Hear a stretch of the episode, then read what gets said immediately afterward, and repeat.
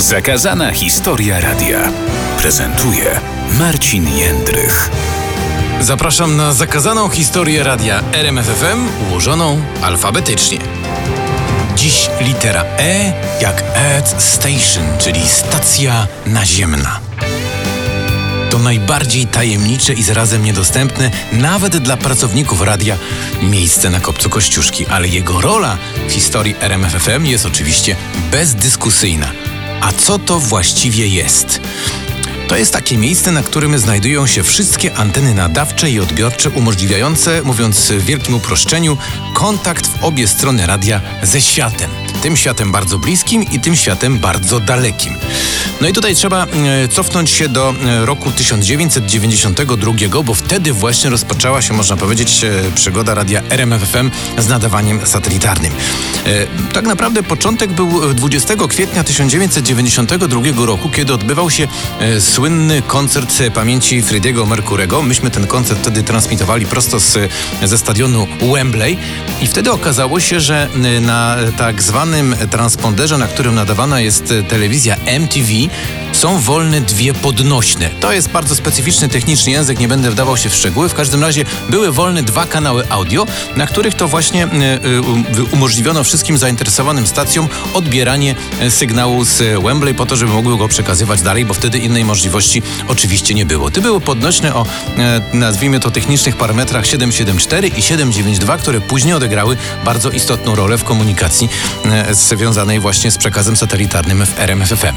No i jak zakończył się ten koncert, to e, ówczesny prezes RMFFM Stanisław Tyczyński wpadł na pomysł, że skoro te e, podnośne były wolne, zostały wykorzystane tylko po to, żeby ten koncert e, transmitować i potem znów będą właściwie stałe wyłączone, czy też nie będzie na nich żadnej transmisji, to może dałoby się je wynająć i na tych podnośnych transmitować sygnał RMFFM.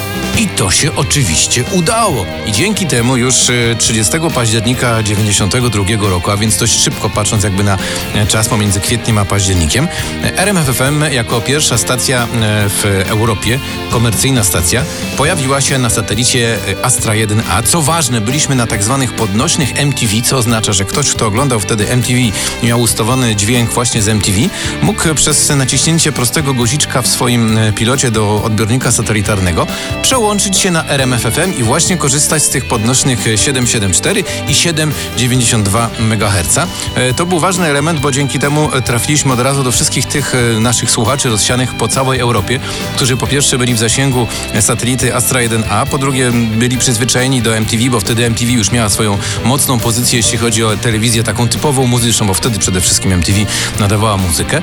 No i co równie ważne, e, ten odbiór był czysty, niezakłócony, można było go odbierać praktycznie praktycznie wszędzie, pod warunkiem, że miało się talerz, y, co też istotne, im bardziej mieszkało się na zachód Europy, tym ten talerz y, musiał być mniejszy. W Polsce te talerze musiały mieć średnicę, wtedy y, przypuszczam, że tak jak pamiętam z moich doświadczeń, przynajmniej 70, 80, a nawet metr średnicy w Europie Zachodniej wystarczyło 50 czy 60 centymetrów i już można było odbierać te programy właśnie z satelity, co oznaczało, że rozpoczął się bardzo ważny i jakże istotny w historii RMFWM okres nadawania satelitarnego. Weszliśmy na świat. Nagle wszyscy ci, którzy mogli e, odbierać MTV, e, mogli również e, poznać program RMFFM, zarówno nasi rodacy mieszkający gdzieś tam w Europie, dla których to było takie małe okno muzyczne i nie tylko informa- i także muzy- muzyczne, informacyjne okno na świat, no ale także inni zagraniczni e, słuchacze przekonywali się, przyciskając czasami przypadkowo te guziczki na pilocie do e, urządzenia satelitarnego, że tam jakaś fajna stacja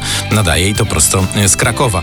No i ten okres nadawania satelitarnego był bardzo owocny, bo dzięki temu udało się zdobyć po pierwsze zupełnie nowe muzyczne i artystyczne przyczółki, po drugie byliśmy wtedy dość mocno związani z MTV, no bo przecież mm, MTV jako stacja nadająca w Europie e, poz pozwalała również na pewnego rodzaju elementy promocyjne, także na swojej antenie. Tu przypomnę słynny występ e, naszego dyrektora muzycznego Piotra Myca w programie Roya Cokesa, którym to właśnie Piotr chwalił się tym, że my nadajemy wraz z MTV na tym samym transponderze i razem z nimi jesteśmy na satelicie odbierani w całej Europie.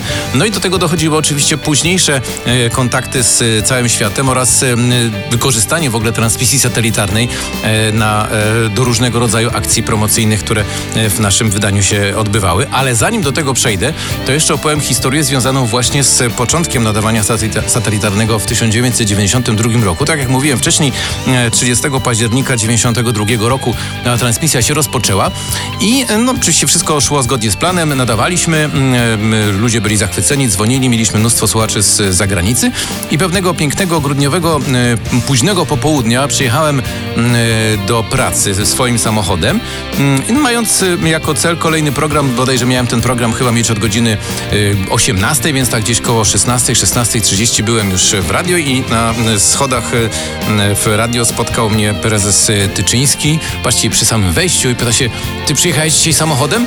Ja mówię, tak prezesie, oczywiście. No to pojedziesz z Tomkiem Berezowskim, dyrektorem technicznym do Luksemburga, bo się popsuł odbiornik satelitarny.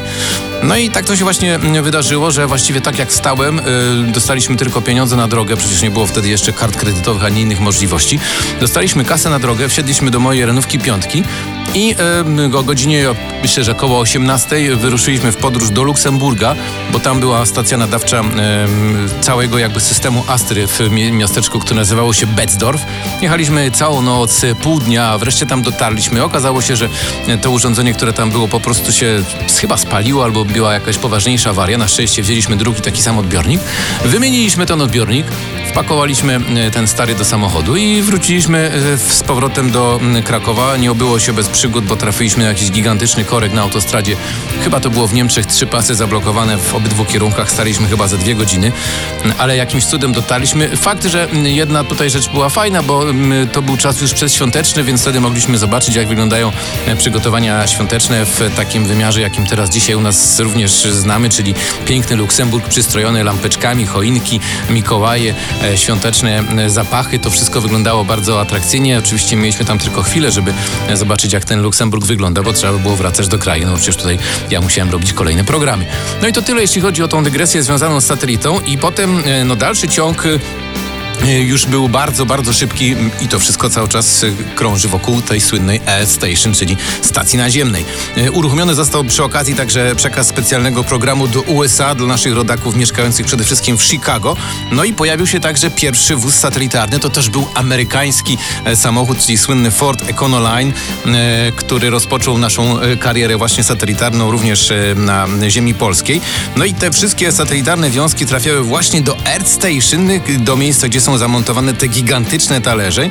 No a y, na tym y, wraz z rozwojem technologii, na tym charakterystycznym kiosku zlokalizowanym e, na forcie Kopca Kościuszki pojawiały się kolejne anteny, tworząc bardzo oryginalną kompozycję przestrzenną. Kto był na Kopcu albo kto będzie kiedyś na Kopcu, niech spojrzy sobie, jak to tam e, bardzo oryginalnie wygląda. Każda antena stoi pod innym kątem, bo ten, ten kąt był dość istotny, zwłaszcza w komunikacji ze Stanami Zjednoczonymi, bo te satelity amerykańskie, z których myśmy korzystali, często wisiały dość nisko, e, co powodowało, że trzeba było też e, tą wiązkę skierować tak, żeby po prostu w tego satelitę trafić, bo tak działa właśnie przekaz satelitarny. Tutaj mogę jako dygresję też e, dodać jedną piękną historię związaną z połączeniami z Ameryką, że przez jakiś czas to był naprawdę szczyt technologii, to był kosmos, można powiedzieć, technologiczny. Mieliśmy wewnętrzne połączenie z studiem w Waszyngtonie. Tam wtedy, o ile dobrze pamiętam, rezydował Tomek Wróblewski.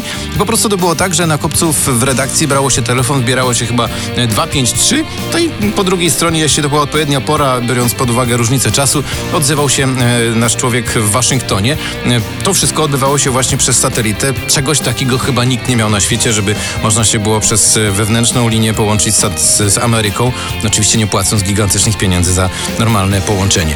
No i e, potem e, czas e, satelitarny rozwinął się dla nas jeszcze w sposób e, jakże to imponujący. To był czas e, od 1995 roku, kiedy e, na polskiej ziemi e, otworzyła się pierwsza inwazja mocy. Wtedy właśnie ten wspomniany wcześniej Ford Econoline już działał jako e, wtedy wtedy i przewoźne studio nadawcze, co oznaczało, że myśmy z Kopca Kościuszki brali na wyjazd kilkadziesiąt płyt. W, urząd, w Fordzie były zamontowane odtwarzacze kompaktowe i stamtąd nadawaliśmy część programu na antenę właśnie tutaj na Kopiec. To był naprawdę także kosmos technologiczny, żeby to wszystko się udało. Tutaj wielkim problemem była tak zwana zwrotna, e, bo ci, którzy być może trochę się w tym orientują, wiedzą dokładnie, że zwrotna, czyli to, co e, człowiek mówi, albo też to, co człowiek słyszy z drugiego końca, no musi przychodzić do ucha w tym samym momencie. Jak jest opóźnienie, a opóźnienie satelitarne w tamtych czasach e, było jakieś 70 sekundy, e, to wydaje się, że to jest właściwie nic, ale to powodowało, że praktycznie nie dało się mówić przy tej zwrotnej, która pochodziła z satelity. Trzeba było wykombinować inną zwrotną.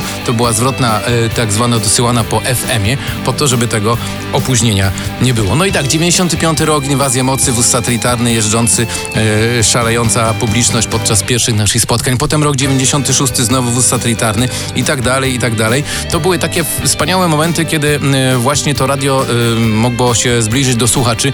Mogliśmy pokazać te technologie, bo trzeba powiedzieć, że e, jakieś 15 lat temu transmisja przez satelitę była wielkim wydarzeniem, wzbudzającym podziw i nawet czasem niedowierzanie, że to w ogóle jest możliwe, ale dziś to chyba już nikogo aż tak bardzo nie kręci, nikt się tym nie podnieca, zwłaszcza, że e, dziś przekaz przez internet jest znacznie prostszy, przede wszystkim tańszy i e, bezpieczniejszy w wielu przypadkach.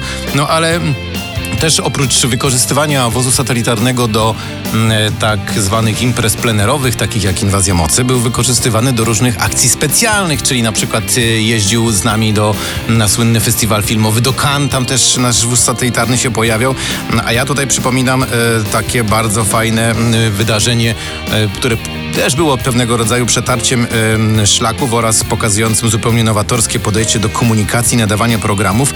To był taki program, który prowadziłem z Genewy wraz z moim przyjacielem Marcinem Wroną. To było 22 grudnia e, 96 roku. E, No i właśnie transmitowany na żywo przez e, nasz e, słynny wóz satelitarny Ford Econoline. Tam cała ekipa e, tego wozu była wtedy z nami. Nadaliśmy program e, z Genewy, bo to był finał takiej akcji, w której rozdawaliśmy e, wielkie pieniądze umieszczone w e, sejfie w banku szwajcarskim. I potem, patrząc na kalendarz, 22 grudnia wracaliśmy, mm, skończyliśmy program. 23 grudnia wyjechaliśmy z, e, z, z Genewy. No jechaliśmy, jechaliśmy, jechaliśmy, tak, że dotarliśmy dopiero gdzieś w okolicach południa 24 grudnia na Wigilię tutaj na Kopiec Kościuszki i wtedy muszę powiedzieć, e, to było jedno z e, naprawdę nielicznych rozczarowań, jakie e, przeżyliśmy wracając z takiego długiego wyjazdu, bo pędziliśmy strasznie, bo nam bardzo zależało na tym, żeby mm, trafić na radiową Wigilię, na spotkanie, na poczęstunek. No i tacy zmęczeni, padnięci, ledwo żywi wchodzimy chyba koło właśnie południa na Kopiec y, tutaj do naszego e, radiowego barku. Patrzymy, a tu właściwie już nic nie zostało. Wszystko zjedzone. Cała radiowa Wigilia została zjedzona. Jakoś nikt o nas wtedy nie pamiętał, że my tam gdzieś w trasie pędzimy z tym wozem satelitarnym po to, żeby zdążyć na kopiec. To oczywiście taki e, żart, to oczywiście historia, która jakby niewiele, niewiele ma wspólnego z e, samą e, Earth Station, czyli stacją naziemną. I tak jak powiedziałem wcześniej, no dziś już te anteny pełnią rolę dosyłu do poszczególnych nadajników. Pewnie też jakieś inne funkcje, o których nawet dziś już nie mam pojęcia. Zresztą tak jak powiedziałem na wstępie, to jest pomieszczenie niedostępne nawet dla pracowników radia e, z wielu różnych powodów, ale e, sam widok jest e, naprawdę imponujący i wydaje mi się, że to też pokazuje taką po prostu potęgę radia. Właśnie w taki sposób. Te wielkie anteny satelitarne pokazują, że praktycznie możemy nadawać wszędzie, po prostu wszędzie jesteśmy. Przecież zawsze o to chodziło i o to chodzi w historii RMFFM.